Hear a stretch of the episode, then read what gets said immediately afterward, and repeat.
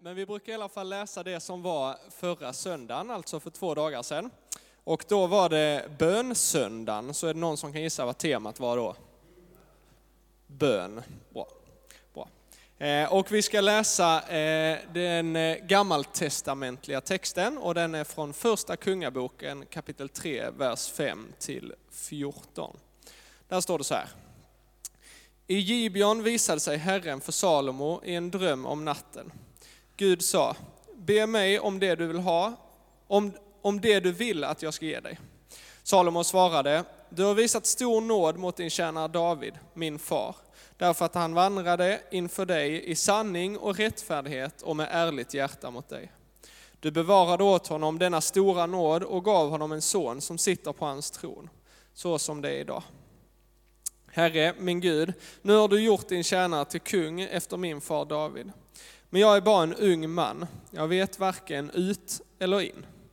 Din tjänare är här bland, här bland ditt folk som du har utvalt. Ett folk så stort och talrikt att det inte kan räknas på grund av sin mängd. Ge din tjänare ett lyhört hjärta, så att han kan vara domare för ditt folk och skilja mellan gott och ont. Vem kan annars vara domare för ditt stora folk? Det gladde Herren att Salomo bad om detta. Gud sa till honom, eftersom du har bett om detta och inte bett om långt liv, rikedom eller dina fienders liv, utan, att, utan om att kunna förstå vad som är rätt. Därför vill jag göra som du önskar och ge dig ett så vist och förståndigt hjärta att ingen som du har funnits före dig och inte heller ska komma efter dig. Dessutom ger jag dig vad du inte har bett om, nämligen både rikedom och ära, så att ingen kung i alla dina dagar ska vara din like. Om du går på mina vägar och håller fast vid mina stadgar och bud, så som din far David gjorde, då ska jag ge dig ett långt liv. Så lyder Herrens ord. Och så går vi över till eh, Nya Testamentet, till Romarbrevet kapitel 8, vers 24-27. Där står det så här. I hoppet är vi frälsta, men ett hopp som man ser uppfyllt är inte längre något hopp. Vem hoppas på det han redan ser? Men om vi hoppas på det vi inte ser så väntar vi uthålligt. Så hjälper också anden oss i vår svaghet. Vi vet inte vad vi borde be om, men anden själv vädjar för oss med suckar utan ord. Och han som utforskar hjärtan vet vad anden menar, eftersom anden vädjar för de heliga så som Gud vill. Så lyder Herrens ord. Gott, nu mannen i Birtorea. Tack. Eh, så fint med skånska. Eh, helt underbart. Eh, eh, dagens evangelietext är från Matteus. Och när ni ber ska ni inte vara som hycklarna, som älskar att stå och be i synagogorna och i gathörnen för att synas inför människor. Jag säger sanningen, de har fått ut sin lön. Nej, när du ber, gå in i din kammare, stäng din dörr och be till din far som är i det fördolda. Då ska din far som ser i det fördolda belöna dig. Och när ni ber ska ni inte rabbla tomma ord som hedningarna. De tänker att de ska bli bönhörda för sina många ords skull. Var inte som det. För er far vet vad ni behöver innan ni ber honom om det. Så lyder det heliga evangeliet. Lovad vare du Kristus. Hörrni, bön. Vad är bön? Alltså om du, är, du i, är du i eh, en eh, mer historisk kyrka så är bön format i form av växel. Det låter på ett speciellt sätt här och så sparar, sparar de på ett speciellt sätt. Och så finns det någonting som kallas för tidebön. Eh, och så finns det massor med tidebönsböcker som man läser ifrån och så växelläser man. Ehm, det finns eh, väldigt, väldigt mycket liksom, texter skrivna om bön. Eh, på allt ifrån tacksägelse till sorgeböner till vad det nu må vara. Det finns väldigt mycket böner. Så den första församlingen hade med sig det här utifrån den judiska kulturen, nedskrivna böner och så vidare. Men så sker någonting och så börjar pingsten vara där och den historiska kyrkan bär med sig det här bönen. Sen så har vi då den andra sidan utav det, den karismatiska sidan, den eh, vi, får kalla det då, vi säger karismatiska sidan, vilket, för det spelar egentligen ingen roll vilket sammanhang som anden faller. Så blir det väldigt mycket frihet i bönen. Och till slut så blir det väldigt lite struktur på bönen, utan det blir bara en fri, fri bön. Det blir liksom cowboyböner, man skjuter från höften rakt, rakt igenom. Och så finns det all den här skönt mångfald. Sen har du då stilar utifrån personligheter och nationer. Har ni någon gång varit på ett bönemöte med koreaner? Så, så, så, så vet ni väl, det, det går snabbt och det är högt och det är en enda ton hela vägen. Liksom. Om ni har varit på bönemöte med, med eh, människor från Afrika så, så snurrar det rejält. Det är liksom, en, eh, eh, en hade vi i Citykyrkan, vi hade väldigt mycket bönemöten med dem. Han, han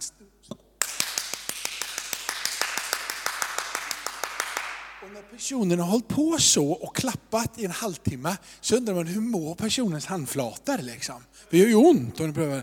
Men det stod alltid klappa, klappa, klappa, klappa, klappa, klappa och, och jodlade i tungor. Och det finns alla, finns alla möjliga olika stilar. Sen har du den svenska stilen, du har Cissis sätt att be. Är det det rätta sättet att be? Så frågan vad är det rätta sättet att be? Eller hur? Är det en stil att be? Knappast kan det vara så?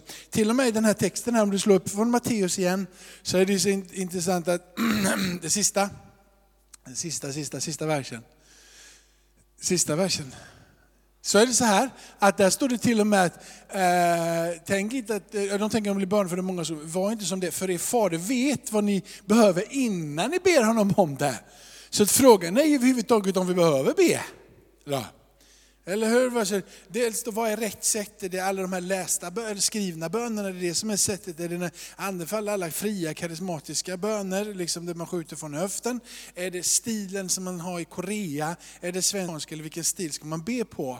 Är det tidebön som är det? Vad är rätt sätt att be?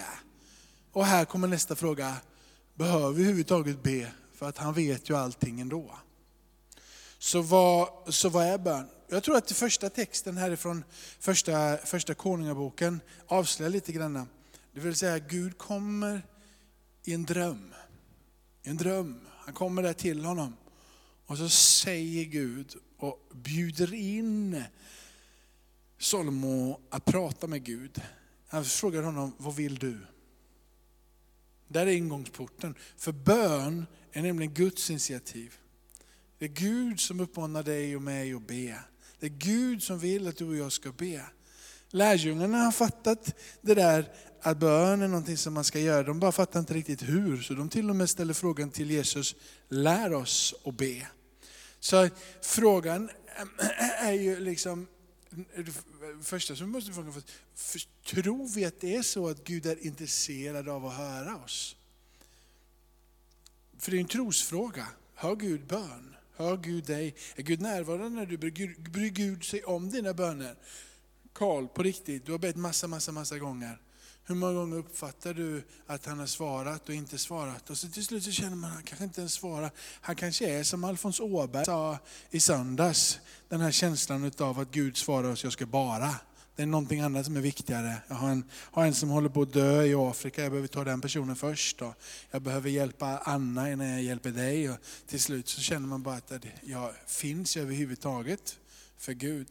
Men Gud hör bön och Gud är redo att stiga in. Men det är det som händer i första Konungaboken tror jag avslöjar Guds intentioner med att komma in i samtal med honom. Han frågar först för han är intresserad och han vet dig vid namn och han säger, vad vill du? Han vill att det ska komma ifrån dig själv. Jag har sett mina barn många gånger och jag vet att nu när Elton sätter sig i bilen efter att han har varit spelat fotboll, så vet jag att det luktar McDonalds som han innan han ens kommer in i bilen. Han behöver inte säga att han vill ha McDonalds, så, det, så säger jag McDonalds och säger han bara, ja det är klart. Liksom, så där, det, det, det bara hänger där. Va? Så, så, så vissa saker vet man som en far eller som en mor Vänta nu, vi måste ju blanda upp det där.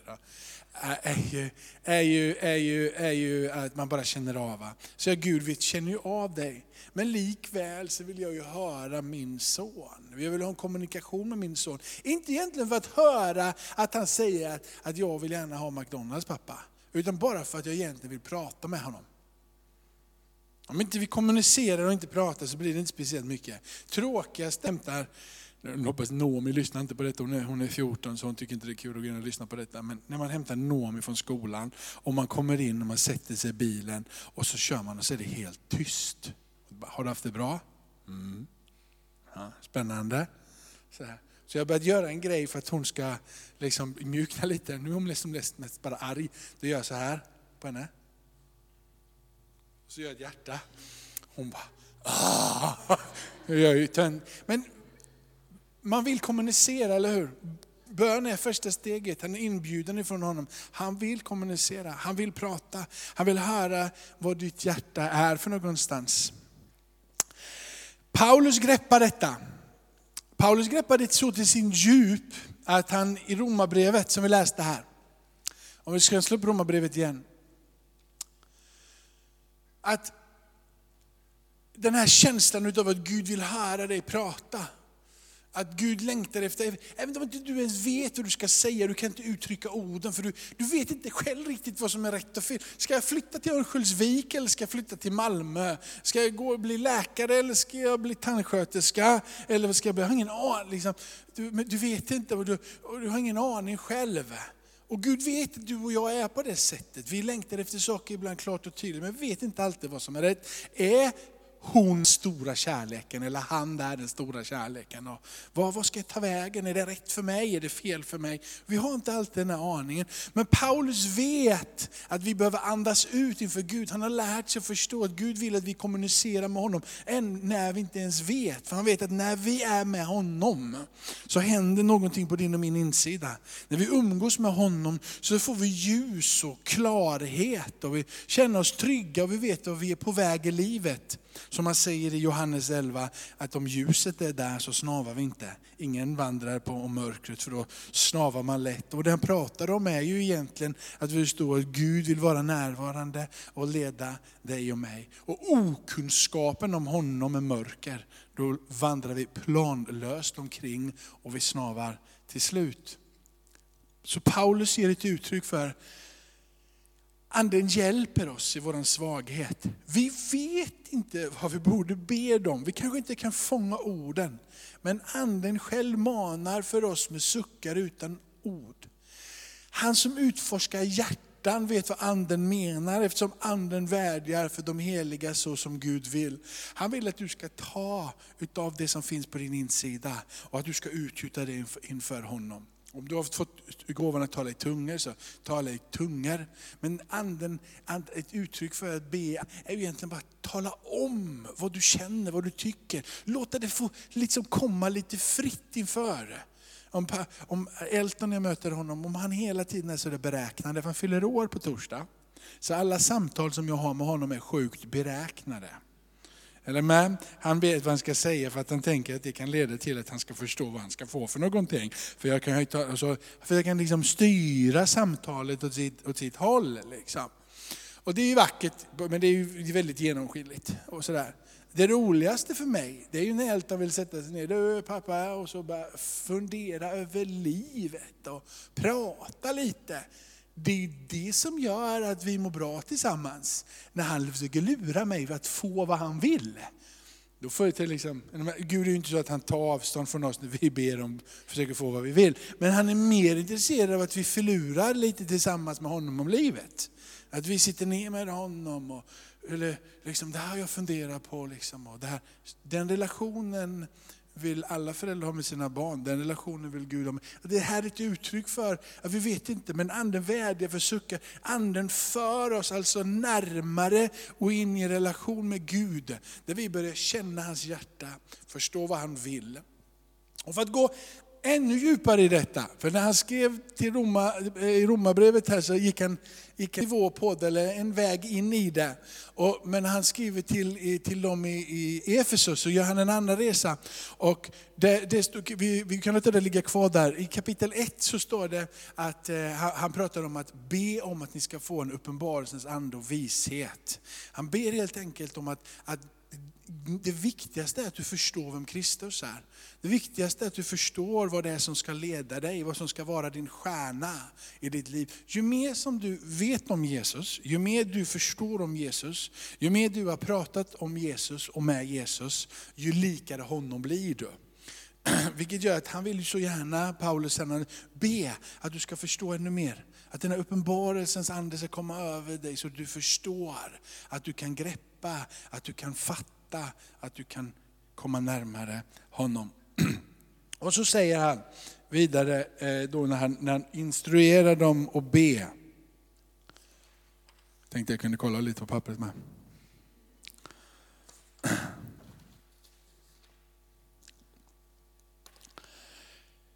Då, då, så går han, och jag är ute efter en enda sak, jag har predikat över den här texten många gånger här i församlingen, jag är ute efter en specifik sak idag. Därför böjer jag mina knän inför Fadern. För det första, det är en kapitulation. Det klassiska sättet att be för en jude, det är antingen eh, med öppna händer, så här va. Så när du ber, så lyft dina händer. Det, det, det är mer bibliskt kan det inte bli. Eller att du lägger dig platt på marken. Det är bara platt på marken eller lyfta händer. Det är de två mest bibliska vägarna att be.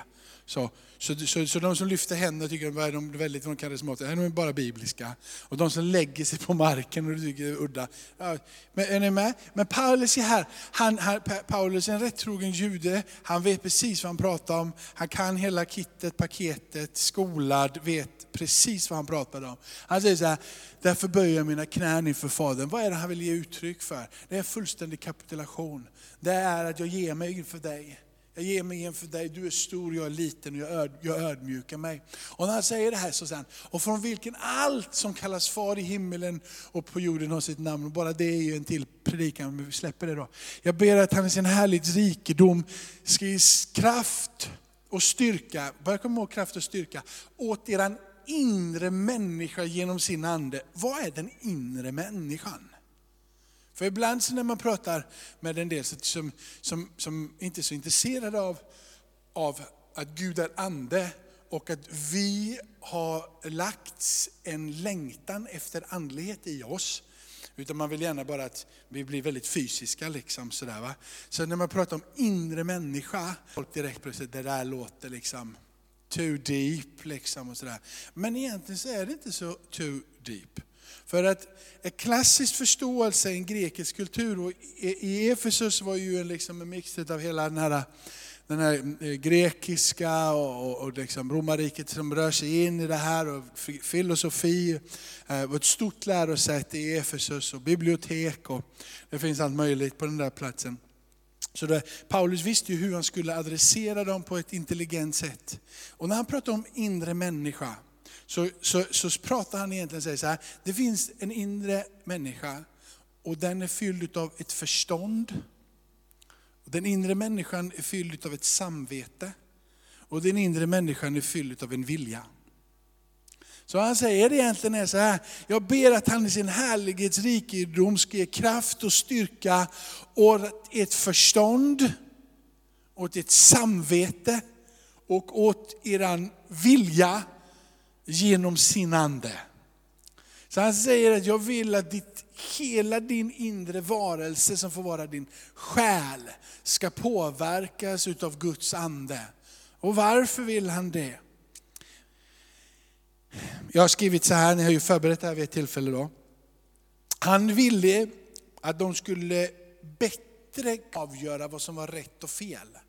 Så när Paulus adresserar förståndet, så adresserar han orsak och verkan. Han adresserar den inre människans förstånd och säger så här, jag ber att han ska ge er kraft och styrka åt ert förstånd genom sin ande. Det vill säga så att ni kan avgöra vad som verkligen är rätt och fel. Att ni kan förstå innebörden utav vad som är sann visdom. Att ni ska förstå vad liv, ett liv att leva rent är. Så om du tar det här från ett bönens perspektiv, så är det precis det som jag sa här med det jag vill av Elton är inte att Elton ska komma och liksom ta sin lista igen eller försöka få mig att över, bli övertygad om en punkt på hans lista. Det jag är mest intresserad av det är bara att vara och umgås med Elton. Jag fattar att han vill ha McDonalds, jag fattar att han vill ha en ny iPhone.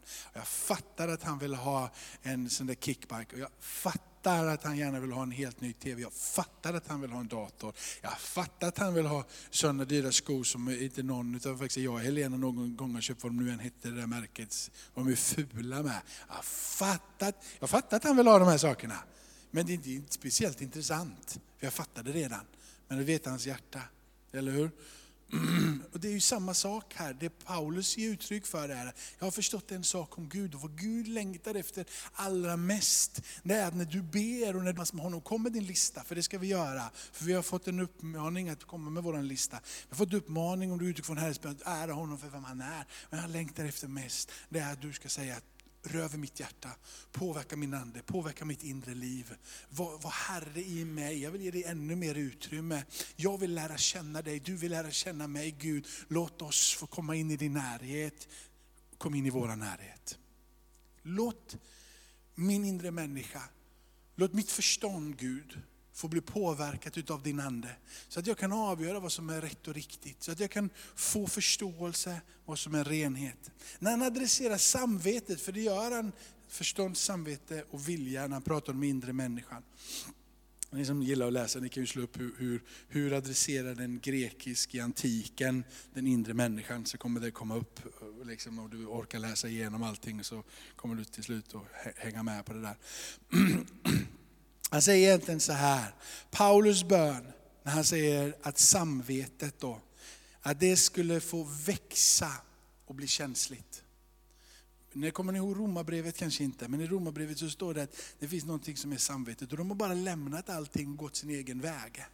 De, även om det inte finns en lag, står det vidare, så finns det ett samvete.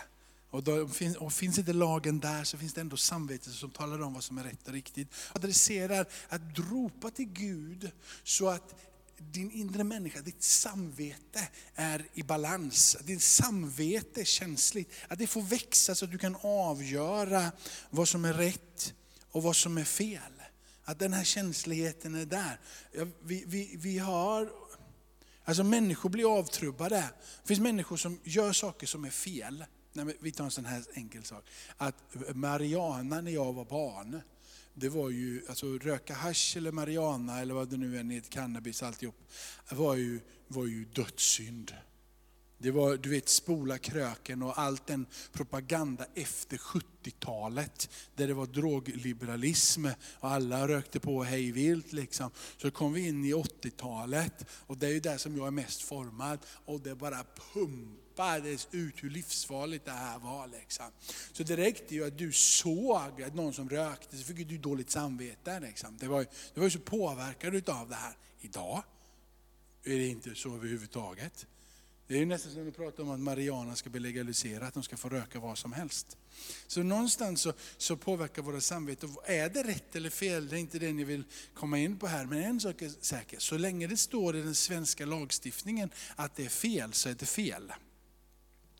Vi är satta under att vara under Sveriges rikes följare. Så länge som det står att det, är, att det är fel, så är det någonting som borde säga till ditt samvete, jag bryter mot en lag som jag borde anpassa mig till.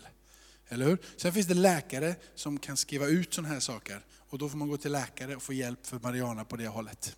Det, eller hur? det kommer alla gånger bli legaliserat någon gång, men gå till en läkare då. Men är ni med? Så vad är samvetet? Sen finns det så många andra små punkter här. Vad kan man titta på? Vad kan man inte titta på? Var, var och när blir jag, blir jag, blir jag liksom bara som ett öppet såll och kan ta in vad som helst? Paulus säger, be.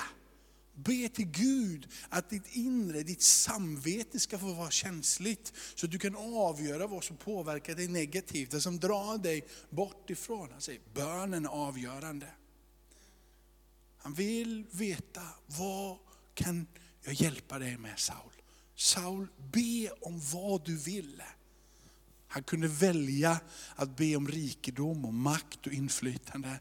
Men han ber och säger, låt mig få känsligheten för att kunna avgöra vad som är gott och vad som är ont, vad som är rätt och vad som är fel. Det viktiga för Saul, för att kunna gå in som ledare för nationen Israel, det var att kunna få ett samvete som var i balans. Paulus adresserar det här. Vilja. För du vet, det är inte bara så att du med förstånd ska kunna förstå vad som är rätt och riktigt. Och sen samvetet kunna liksom balansera det där. Om du inte har viljan att göra det, så kapitulerar du ändå. Eller hur? Spelar ingen jag vet att det är fel att göra det där men jag skiter i samma. Och så gör du det där, så mår du lite dåligt men tänker att det där går över. Paulus fattar det där och grekerna fattar det där. Säger det är inte bara så att du behöver ett förstånd i takt hur du fattar och ett samvete som gör att du är känslig. Du behöver kraft också till din vilja att välja vad som är rätt och riktigt för dig. Att gå åt det hållet. Och här är det som Paulus ropar till Gud. Och ropar till oss. Be till Gud.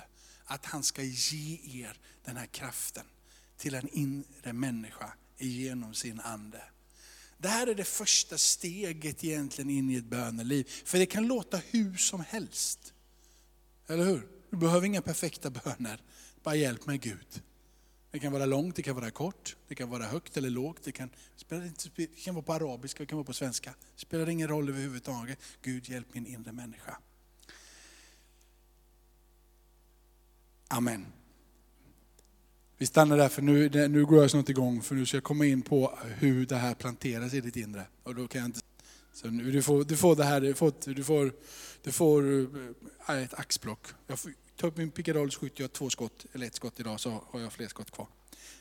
Så att jag inte tömmer mig för er helt fullständigt. Hörrni, nu ber vi innan jag bekänner eh, vår tro. Tackar dig Fader i himlen för de här orden. Jag ber Herre att det ska få landa i mina vänners hjärtan. Att det som är av dig Herre skulle slå till rot och bli till liv Herre och längtan efter att umgås med dig Herre. Låt det här i Efesierbrevet 3 få väckas till liv hos mina vänner idag Herre. Att det finns en möjlighet att få sin inre människa, sitt förstånd, sitt samvete, sin vilja styrkt genom din Ande. Du bjuder oss in att samtala och umgås med dig och du längtar efter att få höra våra röster Herre. Du vet allt om våra, eh, vad våra längtan och våra böner. Du känner oss vid namn. Så det är inte våra böner på det sättet du längtar efter, utan du längtar efter oss. Du längtar att vi ska stiga in på platsen och att umgås med dig. Så jag ber Herre, tänd och väck mina vänner. Tänd och väck mina vänner. Kom med din bönen och med din nådens ande över deras liv. Så de kan se upp till han som har blivit genomborrad. Jesus Kristus, våran frälsare, våran Herre. I Jesu namn. Amen. Ska vi stå upp tillsammans och bekänna våran tro? Vi tror på Gud Fader allsmäktig, Jesus och jordens skapare. Vi tror och på Jesus Kristus, hans enfödde son, vår Herre vilken är avlad av den helige Ande, född av jungfru Maria, pinad under Pontius Pilatus, korsfäst, död och begraven, nedstigen till dödsriket, på tredje dagen uppstånden igen från de döda, uppstigen till himmelen, sittande på allsmäktig Gud faders högra sida, därifrån igenkommande till att döma levande och döda. Vi tror och på den helige Ande, en helig allmännelig kyrka, det heliga samfund, syndernas förlåtelse, det dödas uppståndelse och ett evigt liv. Amen. Alma, tar du oss vidare?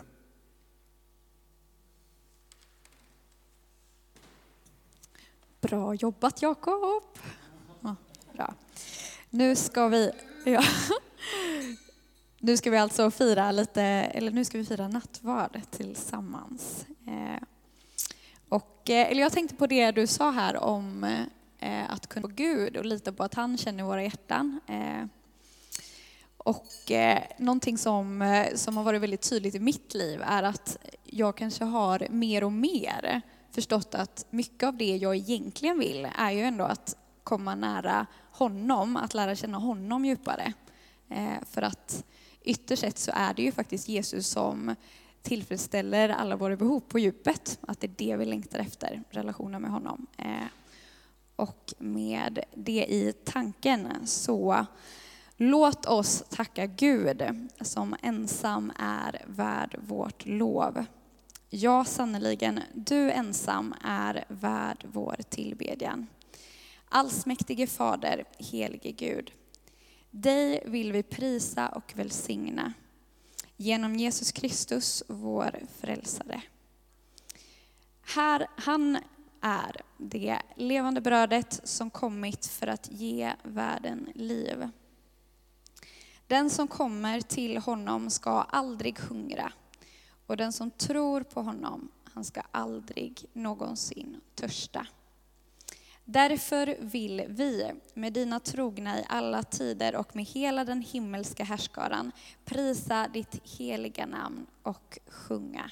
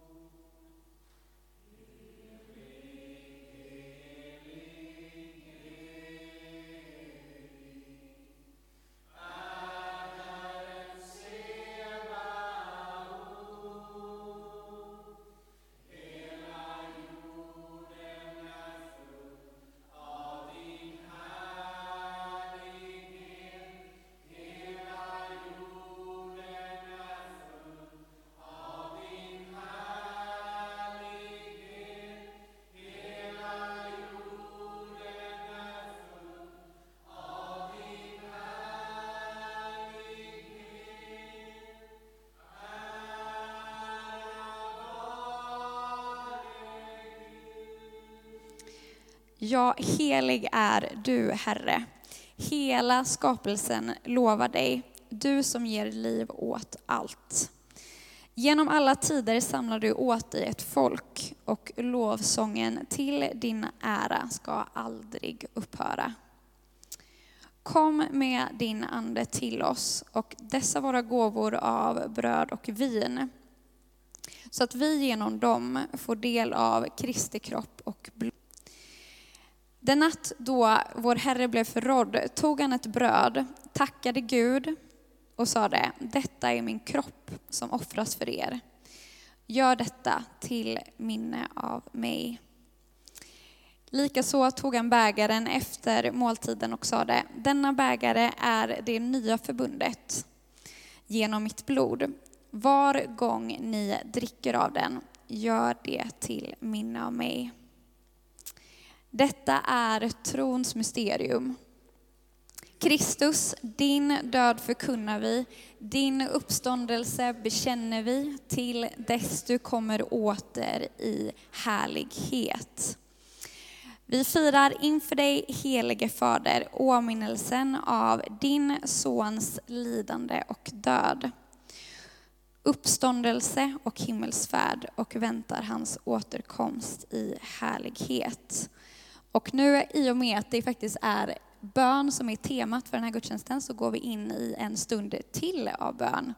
Eh, nu när vi också har fått lite predikantpepp eh, om varför vi ska be. Eh, så var frimodiga för Gud hör bön eh, och han vet vad vi ber om så att vi behöver liksom inte vara långrandiga utan han känner oss. Så den som känner att den har någonting på sitt hjärta får gärna vara med och be, så avslutar jag.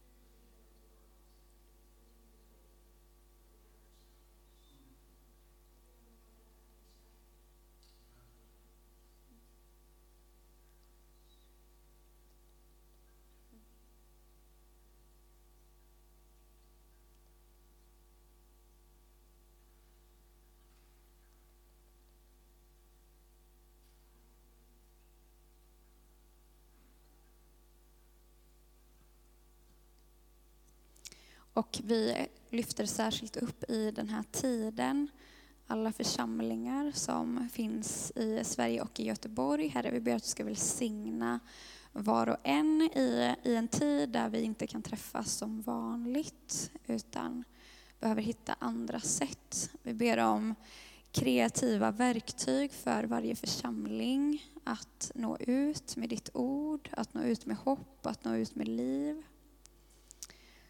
Tack för att du, att du är med oss, Herre. Tack för att du inte lämnar oss när saker börjar skaka, utan att du står fast, att du är klippan. Jag ber att du ska öppna våra ögon så att vi ser. Hm. Att vi ser hur stor du är i jämförelse med allting annat, Herre. Jag ber att du ska ge oss en tro på att du hör bön. Att det är du som har svaret, att det är du som är livet, att det är du som är ljuset. Jag ber om det över oss, Herre. Gör oss till ett i kärleken så att vi kan vara Kristi kropp i världen och uppenbara hans liv till fred och läkedom för alla människor. Din är äran och härligheten från evighet till evighet. Amen.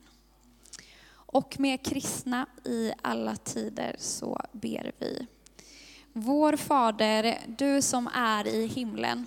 Låt ditt namn bli helgat. Låt ditt rike komma. Låt din vilja ske på jorden så som i himlen. Ge oss idag det bröd vi behöver och förlåt oss våra skulder, liksom vi har förlåtit dem som står i skuld till oss. Och utsätt oss inte för prövning, utan rädda oss ifrån det onda. Ty ditt är riket, din är makten och äran i evighet.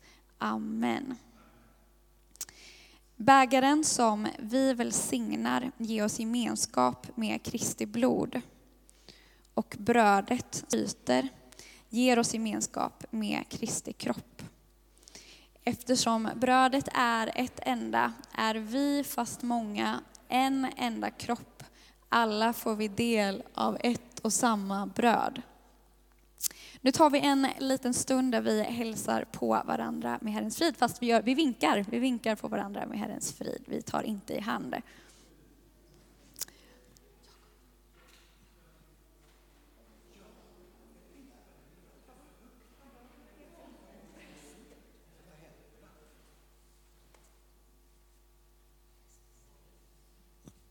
Fortsätt vinka. Då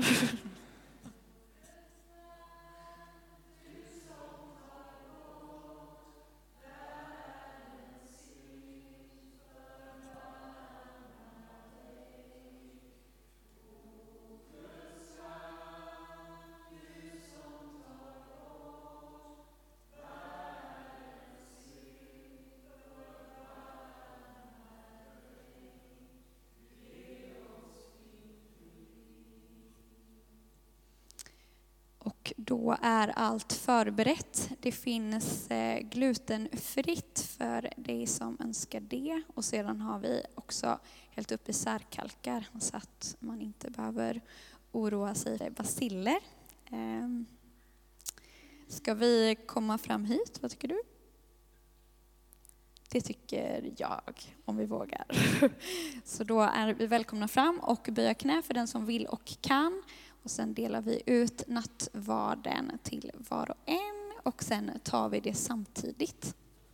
Det är vårt mål. Så allt är förberett. Välkomna.